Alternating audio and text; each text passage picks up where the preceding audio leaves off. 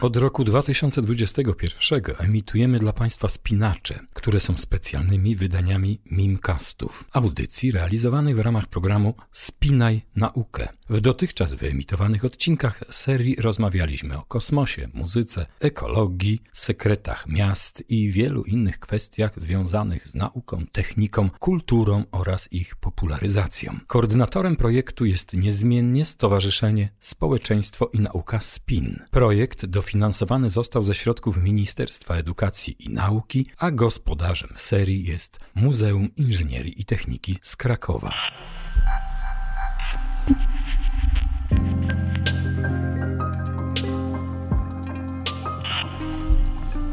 Mimcast. Miasto i my.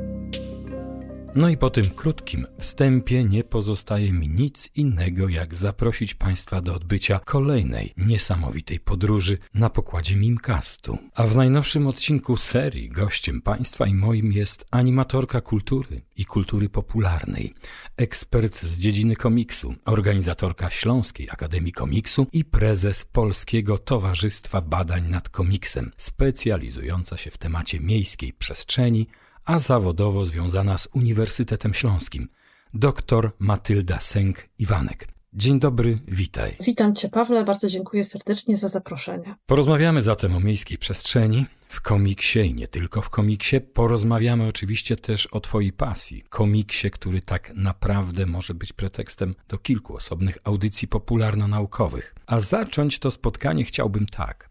Le Corbusier nazywał domy maszynami do mieszkania.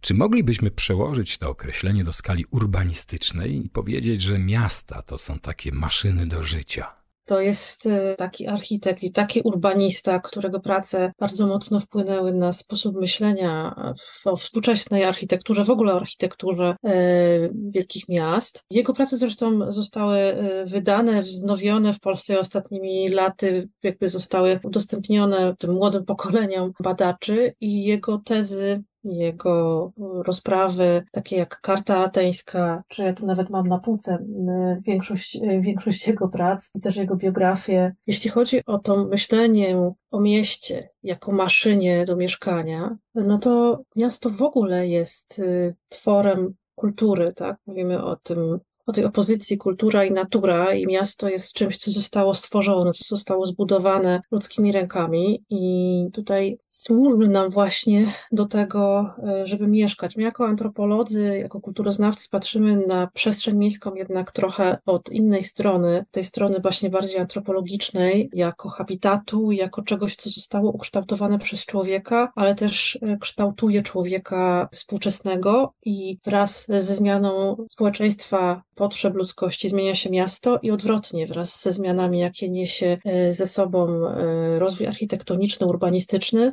zmienia się społeczność, zmieniają się zachowania i staje się to społeczeństwo coraz bardziej różnorodne. No i oczywiście pojawiają się różne problemy z tożsamością, czy też zmieniają się te współczesne tożsamości ludzkie. Wiesz, bo zwykle to jest tak, że gdy patrzymy na struktury miasta, no to widzimy przede wszystkim tę geometrię formę przestrzenną, ukształtowaną w taki czy inny sposób. Jedną z Twoich specjalności jest antropologia przestrzeni miejskich. No może od tego powinniśmy zacząć i wyjaśnić ten termin.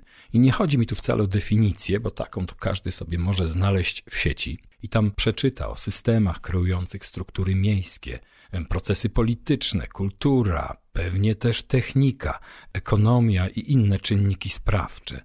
Definicja często utrudnia zrozumienie treści. No może nie każda definicja, ale, ale wiele osób tak to odbiera.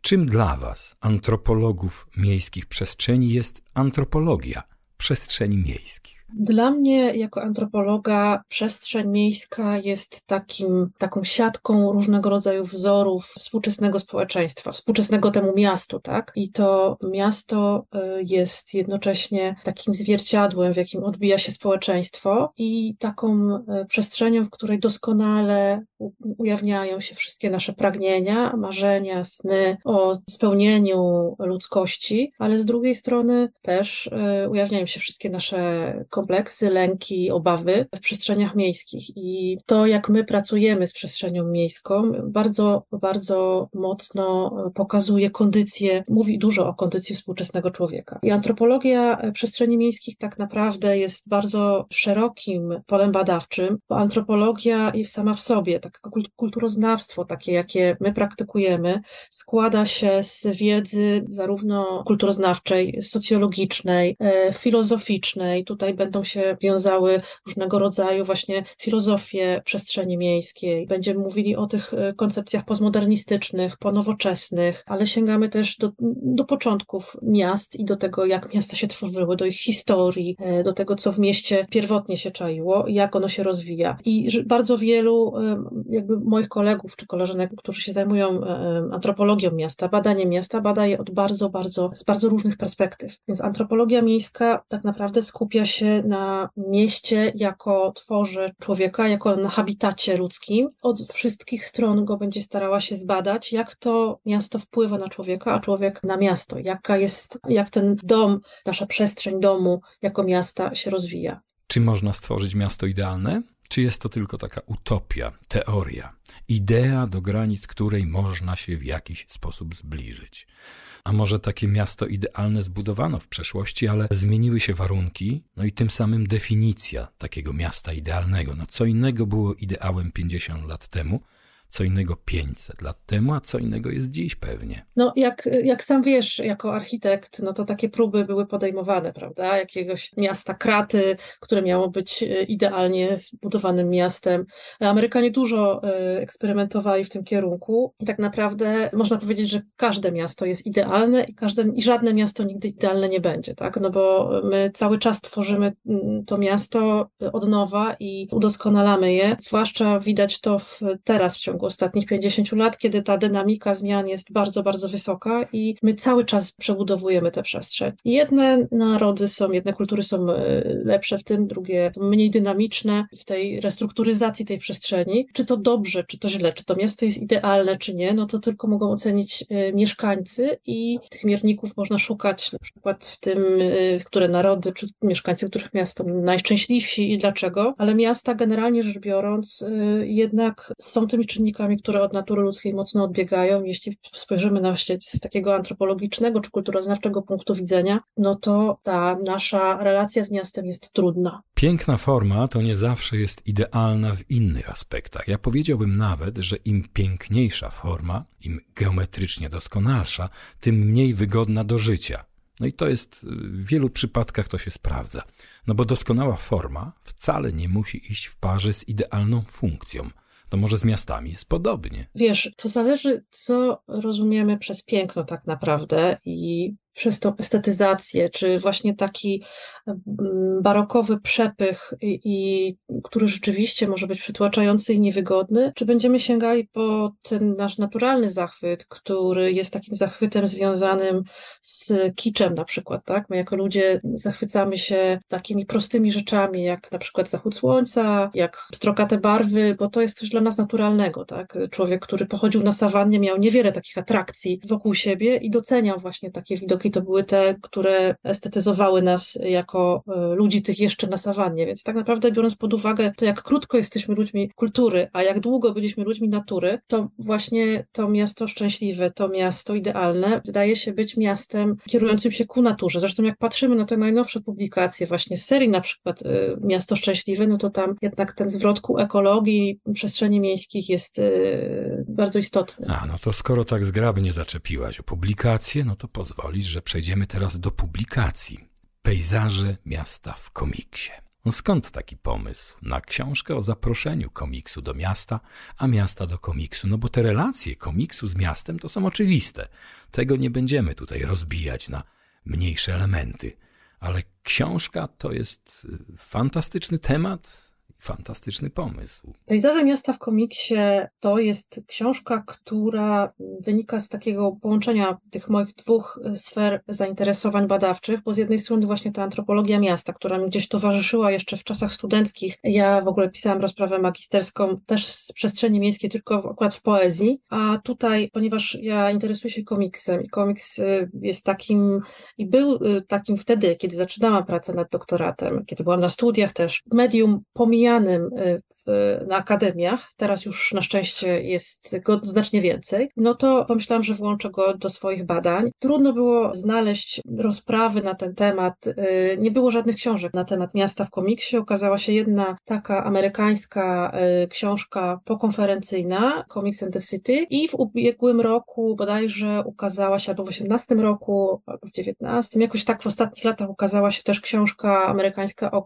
o mieście w komiksie, ale ona troszeczkę ma inny wydźwięk, ponieważ ona mówi o konsumpcjonizmie i o takim kapitalistycznym wydźwięku. Mm, bardziej jest taką książką związaną z polityką przestrzeni miejskiej, pokazywaniem na przykład globalnego południa, a tutaj Pejzaże miasta w komiksie, studia nad komiksem, to jest taka książka, która miasto bada, jako trop, tak jak mówimy o tropach literackich, to tutaj jako trop komiksowy, jako temat komiksowy. Komiks w ogóle jest takim ciekawym medium, które jako centrum zawsze swoich zainteresowań stawia człowieka. I nie ma tak naprawdę komiksów, które nie mówią o człowieku, bo nawet jeśli my mamy komiks o myszce Miki, czy o jakichś przygodach zajączków, czy czegokolwiek innego, to jest to komiks o człowieku, który mówi o problemach ludzkich, o kondycji ludzkiej, o tym, co nas interesuje, co nas boli. A literatura, film, wszystkie inne media y, mogą nie mówić o człowieku, radzą sobie z tym, a komiks jakoś skupiony na człowieku jest. Więc te dwa obszary, najważniejsze dla człowieka, habitat człowieka współczesnego i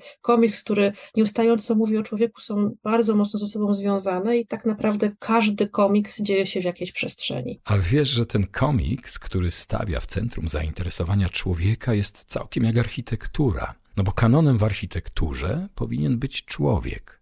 A zresztą wspomniany na wstępie przez nas Le Corbusier także dość wyraźnie to akcentował, tworząc na przykład słynny modulor, tak? I wstawił tam człowieka jako najważniejszy punkt odniesienia. Człowiek jako najważniejszy punkt odniesienia funkcjonuje w architekturze, no przynajmniej powinien funkcjonować. I to w każdej skali czy to takiej małej ławeczki parkowej, czy wnętrza urbanistycznego. No tak nam przynajmniej w czasach moich studiów ładowali do głowy. Co z tego zostało do dziś, no to jest temat na inną rozmowę. A Twoją książkę otwiera jedno zdanie podpisane przez naszego wspólnego znajomego, świetnego specjalisty od komiksu Wojtka Birka. Komiks jest medium pełnym paradoksów.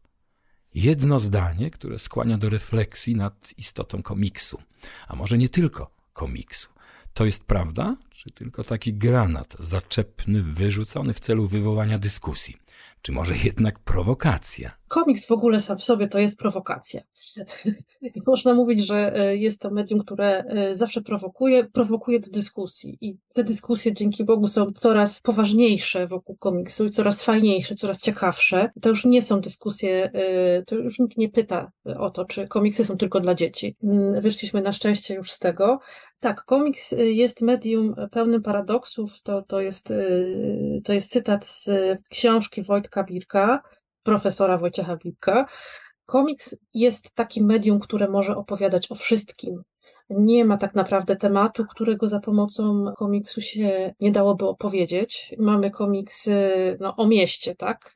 Ja się nimi zajmuję, ale one są o innych tematach również. Tak, tutaj miasto bardzo często jest tym bohaterem drugiego planu, a mamy komiksy, które opowiadają nam o miłości, o wojnie, o sztuce, o filozofii, codzienności, o traumie, o młodości. Oczywiście mamy też takie, które opowiadają nam o podróżach w kosmos i o potworach, ale wszystko, co rodzi się w naszej wyobraźni, co rodzi się w naszej rzeczywistości, znajduje też odbicie w sztuce komiksowej. No, komiksy mogą też opowiadać o tym, co wydarzyło się dawno, dawno temu w odległej galaktyce. A tutaj zaznaczę oczywiście tak, jestem nieprzyzwoicie zdeklarowanym fanem Gwiezdnych Wojen, ale nie jestem fanem komiksów z zakresu tego uniwersum.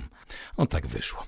Zainfekowany, jak często powtarzam, skutecznie w roku 1978, to był rok po światowej premierze, a rok przed polską. No, przypadek nie do odratowania. Zresztą, wiesz, nie mam absolutnie żadnej ochoty na taki ratunek. No i znowu dygresja nie w tą stronę. Wróćmy zatem do miast w komiksie tych prawdziwych i tych wykreowanych na potrzeby komiksowej narracji. Zatem Batman i Gotham City, Superman i Metropolis, Sędzia Dredd i Mega City One, no i te prawdziwe, żyjące na zasadach stworzonych na potrzeby fantastyki Spider-Man i Nowy Jork, Blade Runner i Los Angeles z roku 2019, czyli w zasadzie całkiem niedawno przeżywaliśmy ten czas, o którym opowiadano fantastyczne historie.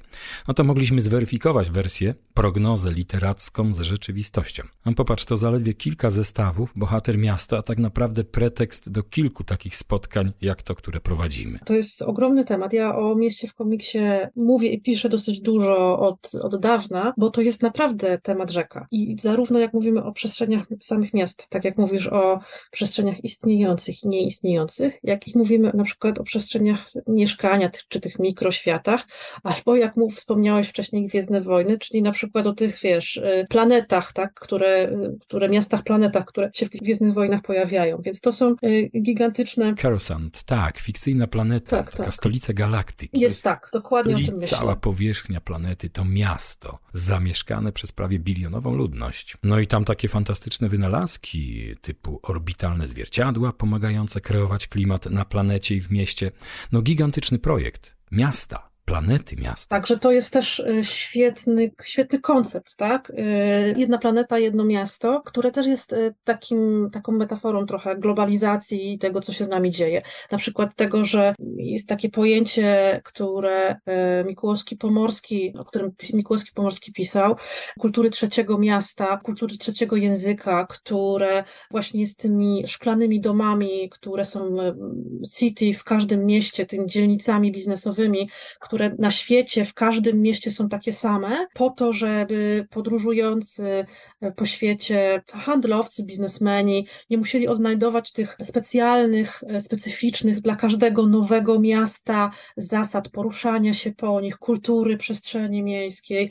Kultura korporacji stworzyła swoją własną kulturę miejską, która jest wszczepiona w te tkanki miejskie właśnie w postaci takich szklanych domów, które wyglądają wszędzie tak samo. Wszystko jedno, czy jesteśmy w Warszawie, czy jesteśmy w Londynie, czy jesteśmy w Nowym Jorku, no czy oczywiście one się będą różnić wielkością, tak, ale e, rozmachem, ale one są wszystkie takie same, tam. Wszyscy chodzą tak samo ubrani, wszyscy są w garniturach, wszyscy mówią tym samym korpojęzykiem, więc to jest taki osobny e, zupełnie świat. A wracając do tego, co, o co pytałeś, czyli tego miasta w komiksie, tego Batmana i Supermana, tak, na przykład, bo zawsze o nim wszyscy wspominają, to chyba dwie najbardziej znane postacie z komiksowych uniwersów takich, y, nawet dla osób, które komiksów nigdy nie czytały, no to mówi się o tym właśnie, że Gotham City, czyli miasto Batmana, to Nowy Jork nocą, a Metropolis, miasto Supermana to mm, Nowy Jork za dnia. I jak spojrzymy na te miasta, to one są e, rzeczywiście obydwa są miastami gigantycznymi, ale to miasto Batmana jest takim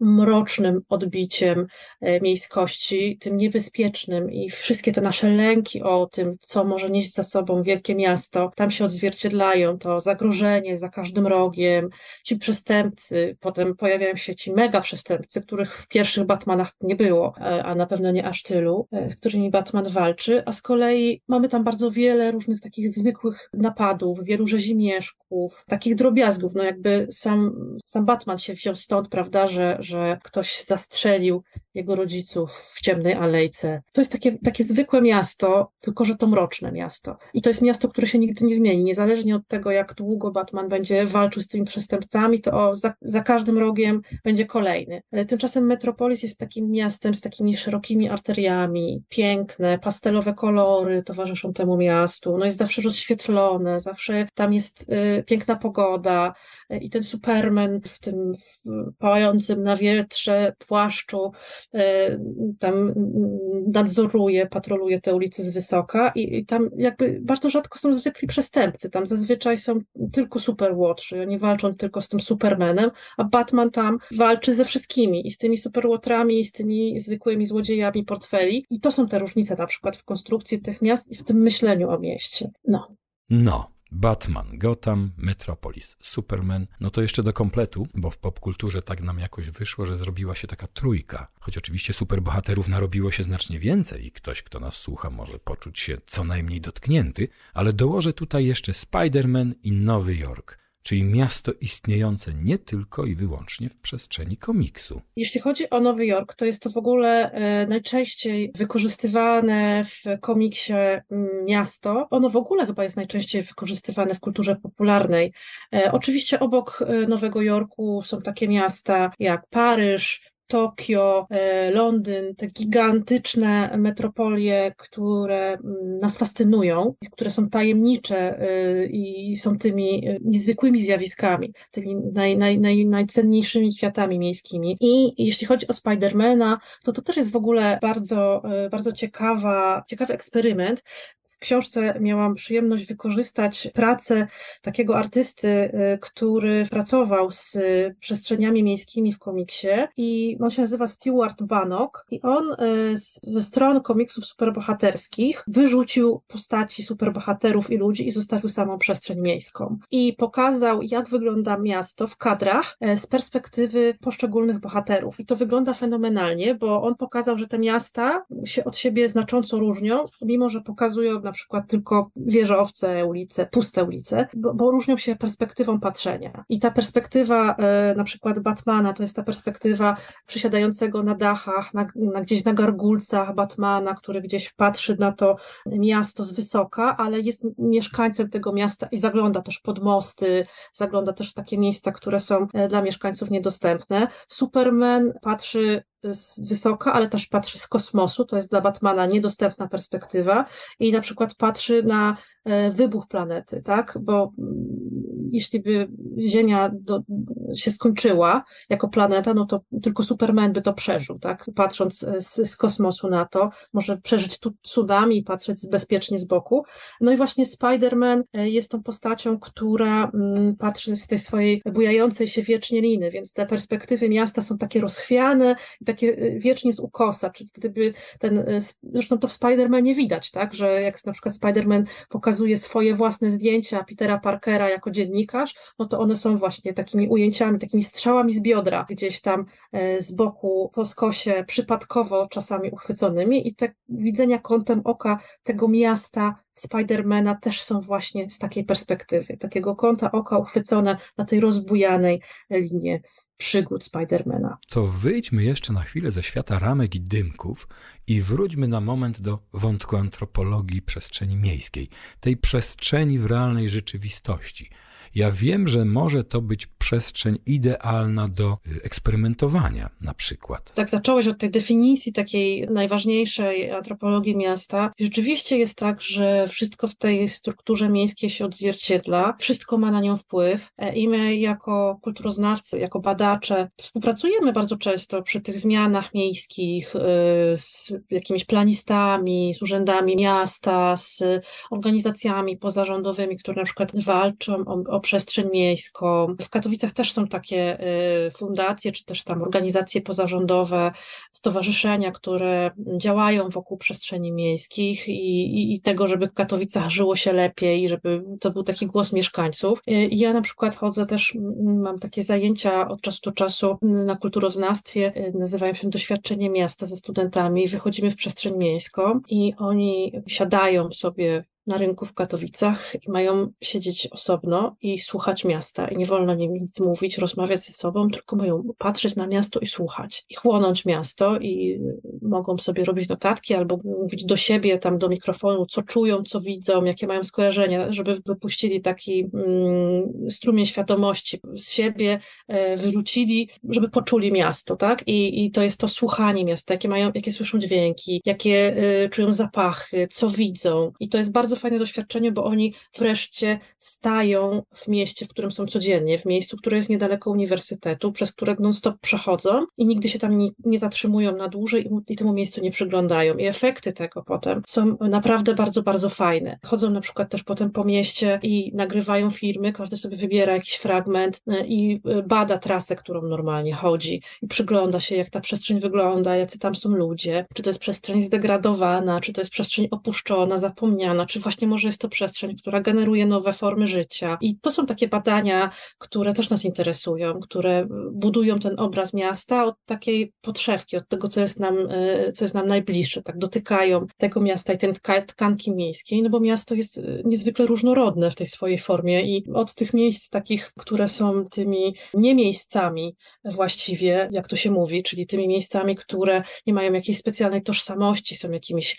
przejściami pomiędzy jednym punktem a drugim, aż do takich miejsc, które są dla nas istotne, które budują tą naszą tożsamość. Tożsamość miejsca, ale też tożsamość regionu, tożsamość poszczególnych osób. Więc to są, to, to, to są takie rzeczy, którymi antropologia też się zajmuje i które są dla mnie e, fascynujące i też tego próbowałam szukać e, w, w komiksach, czyli tej przestrzeni, która w jakiś sposób jest oznaczona, znacząca, dlaczego ta przestrzeń została wybrana do komiksu, a nie inna i dlaczego ona jest pokazywana w taki, a nie inny sposób. Bo oczywiście jasne, jest mnóstwo przestrzeni przezroczystych, które po prostu są tłem. No ale jest też bardzo dużo takich przestrzeni, które są absolutnie znaczące i determinują nam tą rzeczywistość. I tak jak e, pytałeś o Batmana, pytałeś o Spidermana, to są zarówno Nowy Jork w Spidermanie, jak i Gotham City w Batmanie. To są miasta znaczące, bo e, nie byłoby Batmana bez Gotham City, absolutnie nie. I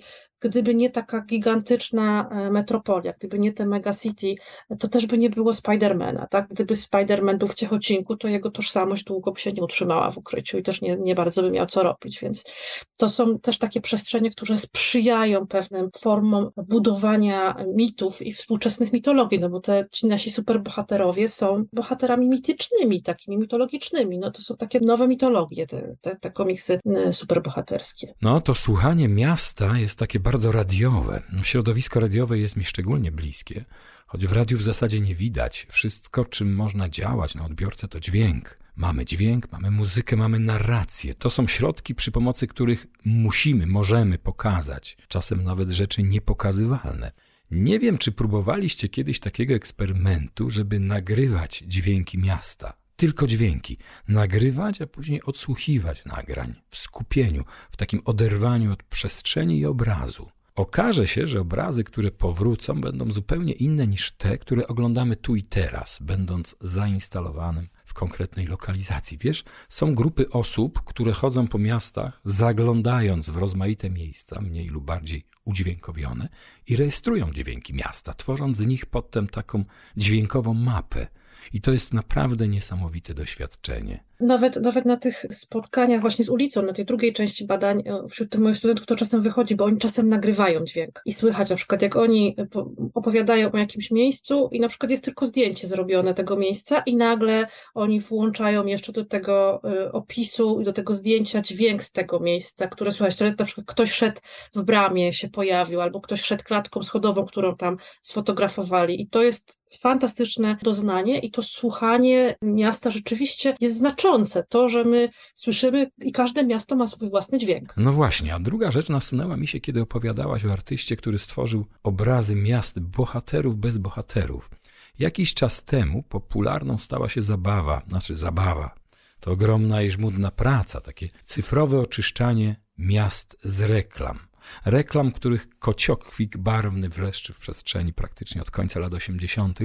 i tę przestrzeń zaśmieci już tak bardzo, że zapomnieliśmy, jak wyglądały te nasze miasta przed zalaniem ich reklamowymi panelami. No i po tych operacjach ludzie zobaczyli nagle swoje miasto z innej epoki. Obraz miasta, o którym, tak jak powiedziałem, zapomnieli. Jest taka książka, którą ja bardzo lubię, Odczuwanie architektury Rasmussena. I on w tej książce pisze, że architekt jest producentem teatralnym, człowiekiem, który aranżuje scenę, na której toczy się nasze życie. To rzeczywiście tak jest. I ta nasza scena, na której my, w której my żyjemy, jest strasznie zaśmiecona. I to, co ja mówiłam o tym, o tych tożsamościach wcześniej, miasto dla człowieka współczesnego jest trudne, no to właśnie jakby są takie koncepcje gdzieś tam wypływające z tych postmodernistycznych teorii miasta, z jakiegoś tam e, na przykład teorii Baumana, jeśli mówimy o polskim naszym myśleniu o mieście, gdzie właśnie to nowoczesne miasto stworzyło nam multitożsamości i my musimy wybrać, jaką, kim chcemy być w tym mieście, jaką chcemy pełnić rolę. Nie wszystkie te tożsamości, które mamy do wyboru są ze sobą zgodne, tak? Bo chcemy być i piękni, mądrzy, bogaci, przebojowi, odnosić sukcesy, z drugiej strony chcielibyśmy żyć w białym domku z białym płotkiem, mieć warzywniak i święty spokój. No, tego wszystkiego mieć nie możemy, tak? Chcielibyśmy być dobrą żoną, matką, kochanką, bizneswoman, e, wspaniałym bohaterem, zdobywcą, ale też e, siedzieć w, w ciepłych papciach w domu. No tego wszystkiego się nie da mieć. A nawiązując do tego, co ty mówisz o tych przestrzeniach miejskich, no to rzeczywiście to doświadczenie tej y, zanieczyszczonej przestrzeni jest, jest trudne dla nas, ale to i tak się w tych dużych miastach już polepsza. Ja ostatnio pojechałam po sąsiedzku do Sosnowca i zwróciłam uwagę, że tam jednak ta szyldoza wszechobecna jest duża i to są takie aż lata 90.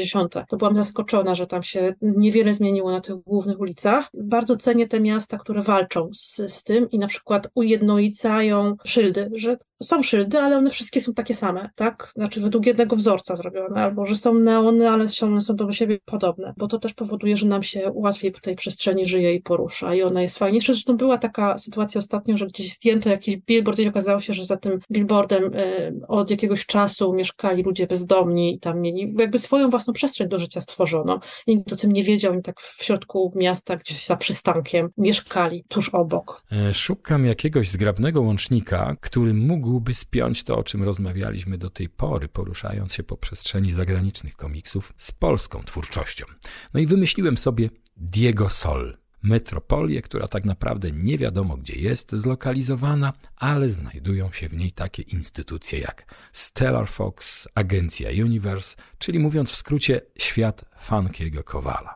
Superbohatera, trochę łobuza, stworzonego przez polskich twórców komiksu. Tak, ja, ja, ja sobie tutaj właśnie sięgam po komiks Funky Kowal, Bogusława Pocha, Maćka Parowskiego mm, i Jacka Rodeka. No, komiks znany y, bardzo, y, zwłaszcza pokoleniom y, starszych miłośników, roczników 70., 80. i mamy bardzo fajne wydanie zbiorcze w Polsce teraz, które zbiera te wszystkie komiksy. Tutaj to miasto jest takim miastem futurystycznym, ale jak patrzymy sobie na nie dzisiaj, to już wiemy, że ono się trochę zestarzało. To też bardzo fajnie pokazuje pokazuje, jakie my mamy mm, wyobrażenie o przyszłości, że y, wiele, wiele z tych naszych y, wyobrażeń się y, nie realizuje i że te miasta nie ewoluują aż tak szybko, jak myśleliśmy kiedyś, że one będą ewoluowały, że jakby ta pierwsza połowa XX wieku, która była takim, czy tam do lat 70., takim rozmachem, w pewnym momencie troszeczkę zwolniła, tak, tej, tej ewolucji miast. I one, no my się tak szybko nie zmieniamy jako ludzie, więc one też się nie zmieniają tak bardzo, tak, bo jednak y, muszą spełniać nasze potrzeby przede wszystkim. I to miasto jest takim miastem futurystycznym, takim miastem y, wieżowców, zresztą bardzo fajny jest ten design i myślę, że on znowu teraz jest modny, który Poch tutaj proponuje tej, tej, tej przestrzeni, w ogóle tej estetyki, Trochę ten komiks y, zaczyna może oddychać drugim życiem współcześnie, łącznie z tym miastem futurystycznym, bo tak naprawdę to tutaj przede wszystkim on się rozgrywa w przestrzeniach, nie, nie zawsze w mieście, nie zawsze widać tak to miasto, jak te wnętrza, które tutaj są, jak ta przestrzeń jest zbudowana. Jest właśnie taką przestrzenią też niezbyt przyjazną człowiekowi. To jaka jest ta przestrzeń miejska w polskim komiksie? Diego Sol Polcha, Gród Mirmiła Christy, elementy miasta, w którym poruszają się Tytus, Romek i Atomek, czy to jeszcze inna historia? Polski komiks jest komiksem, który się nieprawdopodobnie szybko rozwija. I możemy mówić o, mm, znowu, o przestrzeni polskiej w polskim komiksie, o przestrzeniach istniejących naprawdę, a możemy mówić o tym, co fikcyjnego się dzieje w tym, w tym komiksie. Jak się tak odwracam i zerkam na swoje półki komiksowe, bo mamy tego naprawdę bardzo dużo i są świetne komiksy, świetne przestrzenie i na przykład moim faworytem z kolei i uważam, że to jest naprawdę majstersztyk y, rysunkowy. Mieliśmy okazję jako Śląska Akademia Komiksu ostatnio organizować wystawę prac Wojciecha Stefańca, który jest artystą ze Słupska i y, ten Słupsk przemyca W, w swoich komiksach.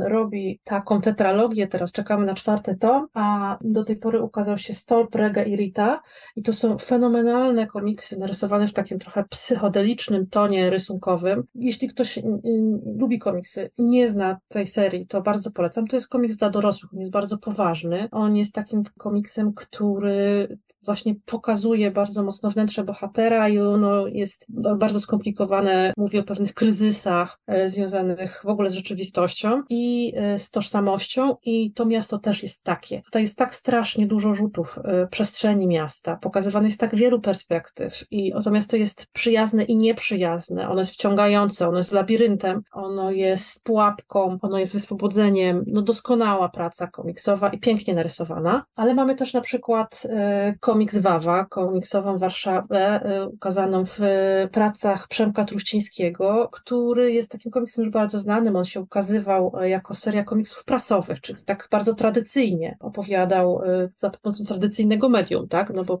komiks z prasy pochodzi i tam też e, właśnie Przemysław Truściński opowiadał o Warszawie, ale właśnie opowiadał za pomocą, za pomocą innych ludzi i właściwie była to znowu opowieść o człowieku, o, o, o tym, co tych ludzi trapi, jakie tam mają problemy dnia codziennego. W ogóle komiks jest formą bardzo wymagającą i bardzo trudną. Komiks się bardzo trudno robi, więc to też, też jest y, niełatwe, nie powstaje szybko. Przynajmniej taki komiks, który y, estetycznie jest rozbudowany. No to to jest coś, y, co wymaga zachodu, czasu. Łatwiej jest zrobić zdjęcie czy napisać newsa niż poczekać na komiks, ale mamy komiksy prasowe również. Mamy komiks na przykład Marka Turka pod tytułem Belmer. To już jest taka, taka też troszeczkę bardziej wymagająca, eksperymentalna forma, ale on opowiada historię Hansa Belmera, artysty, ale sięga właśnie po na przykład obrazy Katowic z okresu jego życia i pokazuje tutaj fragmenty przestrzeni miasta w taki bardzo fajny, dokumentalny sposób. Mamy y, komiksy takie na przykład jak Post-Apo, które są serią właściwie, której y, twórcą jest y, Daniel Gizicki. Ona bardzo fajnie opowiada o postapokaliptycznej Polsce i to o tym, jakby wyglądała przestrzeń. W ogóle nie, no nie tylko miejska, ale też wiejska. Pokazuje nam taki świat nam bliski i swojski, tak, ale w takich absolutnie ekstremalnych, trudnych warunkach. Są bardzo fajne komiksy obyczajowe, komiksy krztoniowe, tak zwane, artystki, y, która y, o, swoich, o swojej codzienności opowiada właśnie za pomocą komiksów. Ania Krztoń ma tam na przykład okresy krakowskie w swojej twórczości. To miasto też fajnie wybrzmiewa. Ona jak wyjeżdża na urlop, to przestrzeń urlopów, tych miejsc, w które jedzie, też, też pokazuje. Także bardzo fajnie opowiada o przestrzeniach miejskich. To są takie y, miasta nam bliskie, takie namacalne, takie codzienne, jakieś blokowiska, supermarkety. A jak mowa o blokowiskach, to nie sposób y, zapomnieć o najsłynniejszym polskim superbohaterze Wilku, czyli komiksie braci Minkiewiczów. Y, Wilku superbohater, który walczy ze złem i ja tu mam po sąsiedzku największego wroga Wilka, który mieszka w Misłowicach, bo Misłowice tuż za Miedzą i Wilku jest bohaterem z Opola, więc to Opole też jest tam narysowane, ono jest oczywiście zaznaczone w bardzo symboliczny sposób, bo Wilku jest y, taki mocno y, zikonizowany, taki narysowany prostą kreską, więc tam mamy tylko takie kwadraciki bloków, ale znajdujemy tam gdzieś przestrzeń miejską, przestrzeń blokersów, tak, takich blokowisk, opowieść o blokowiskach i o tych superbohaterach z blokowisk, no i mamy osiedle Swoboda Śledzińskiego, które jest doskonałą opowieścią o, o blokowiskach, o tym, jak się żyło rocznikom lat 80., mniej więcej, plus minus, tak myślę, 70., 80., na blokowiskach. No wszystkim, wszystkim tym ludziom te nastroje, te klimaty są znane, tak? To są takie opowieści, no też mojego pokolenia, mojego, moich kolegów, twórców, którzy teraz są obecni na rynku, więc takie bliskie historie. I tak o tych przestrzeniach miejskich, prawdziwych i nieprawdziwych komiksie można by mówić bardzo długo. Ja tutaj powiedziałam o tych mnie bliższych, no bo trochę wziętych ze Śląska, trochę o tych, które są takimi y, sztandarowymi opowieściami. Mamy też inne opowieści, tego jest naprawdę, y, naprawdę dużo, również w polskim, y, również w polskim komiksie. I tutaj na pewno by mnie koledzy komiksiarze skrzczeli, że jeszcze to powinnam powiedzieć i to i tamto, no, powinno, tylko że to każdemu, tak jak mówiłeś, z tych, z tych komiksów można poświęcić osobną audycję. Można. A może trzeba zrobić osobny, autonomiczny cykl podcastów radiowych poświęconych komiksowi, historii, teraźniejszości, przyszłości tego przecież zwykłego, a jakże niezwykłego medium. Myślę sobie, że pretekstów do realizacji takiego cyklu by nie zabrakło. I ja w ogóle myślę, że bardzo dobrze jest poszukiwać takich tematów i tropów do badania w komiksach. I jakby ja pisząc pejzaże miasta w komiksie myślałam, że napiszę taką bardzo naprawdę antropologiczną książkę o badaniach, e, jak ten komiks się tam ujawnia, jak to miasto się ujawnia w komiksie i zrobię taką fajną analizę. Ona jest tam szczątkowa, bo tak naprawdę w ostatniej części szukałam sobie narzędzi, jak badać komiks, jak badać poszczególne tropy w komiksie. E, myślę, że warto zachęcać badaczy, żeby się, antropologów właśnie, e, czy kulturoznawców, żeby sięgali do komiksów, żeby badać różne e, elementy kultury, bo to jest naprawdę do badań antropologicznych materiał, jak ujawnia się świat, jak ujawnia się myślenie o świecie? W komiksie, a ujawnia się bardzo, bardzo różnorodnie. I komiks ma tę przewagę nad innymi mediami, że w takiej niewinnej formie ujawnia czasem bardzo drastyczne rzeczy i opowiada o bardzo poważnych tematach, bo my z kamerą w dokumencie nie wejdziemy wszędzie, a w komiksie dokumentalnym to narysujemy. My w e, komiksie możemy pokazać scenę morderstwa, na przykład tak jak jest w e, komiksach e, Joe'ego Sacco, które są reportażami komiksowymi. Możemy pokazać sceny mordów masowych, jak mamy sceny mordów masowych, to są historyczne, e, bardzo znaczące momenty w Bośni i Hercegowinie podczas wojny, a no nie, nie mieliśmy tam świadków, którzy przeżyli to, a on to narysował, tak? Z, z, wysłuchując opowieści ludzi, którzy zobaczyli to z daleka. I ci reportażyści, którzy pracują z komiksem, mówią, że to jest forma, która jakby wymaga czasu, ale pozwala też na to, żeby wyselekcjonować te informacje, które są najważniejsze i popatrzeć z takiej bardzo ludzkiej perspektywy emocjonalnej na to, co się dzieje wokół, nie tylko na takie sensacyjne doniesienia tu i teraz i wyciągnąć z nich to, co jest najważniejsze, i też mają taki odbiór na świecie, że jakby czytelnicy mówią, nie spodziewaliśmy się czegoś takiego znaleźć w komiksie. I to było zaskakujące i nieprawdopodobnie wzruszające, że myśmy odnaleźli coś tak niesamowitego w e, komiksie, tak? Że myśmy zobaczyli tam coś, czego się tam nie spodziewaliśmy, bo ta forma wydawała się taka naiwna, taka niewinna, a tu nagle coś takiego.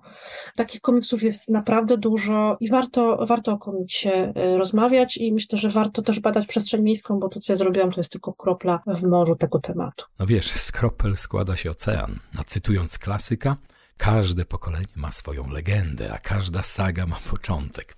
Nigdy nie wiadomo, co przyniesie kolejny dzień. Wczoraj oglądałam film, jest taki nowy film na Netflixie z Momoą o Krainie Snów i oglądając pierwsze sceny mówię, nie wiedząc o tym, e, mówię, o zaraz, zaraz, ale przecież to jest na podstawie e, Wizora McKaya e, Mały Nemo w Krainie Snów. No musi być, no bo tam jest taka scena z, z, z łóżkiem, które chodzi. Mówię, to już najsłynniejsza scena z tego komiksu. No i oczywiście po chwili sprawdziłam, e, zaskoczyło w mojej głowie, że to dziewczynka ma na imię Nemo.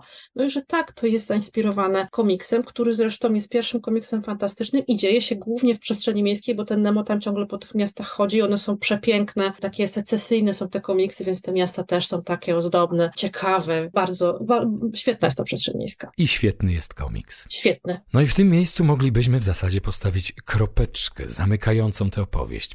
Jakaś ostatnia kwestia jeszcze, tak na pożegnanie? Moi drodzy Państwo, drodzy słuchacze, ja zachęcam wszystkich do czytania komiksów, do poszukiwania w tych komiksach takich takich przestrzeni, które są satysfakcjonujące i myślę, że każdy znajdzie tam coś, co go wciągnie, zabierze w daleką podróż, w piękne miejsca, przestraszy, oczaruje. To jest taki świat, do którego warto, warto zaglądać. Do odwiedzenia niesamowitego świata komiksu, do przestrzeni nie tylko miejskiej w komiksie Zaklętej zapraszała Państwa dr Matylda Sęk-Iwanek. Dziękuję Ci bardzo, dziękuję Ci bardzo za tę opowieść i za to spotkanie. Bardzo było miło z Państwem i z Tobą, Pawle, porozmawiać o mieście, antropologii i komiksie. Do usłyszenia.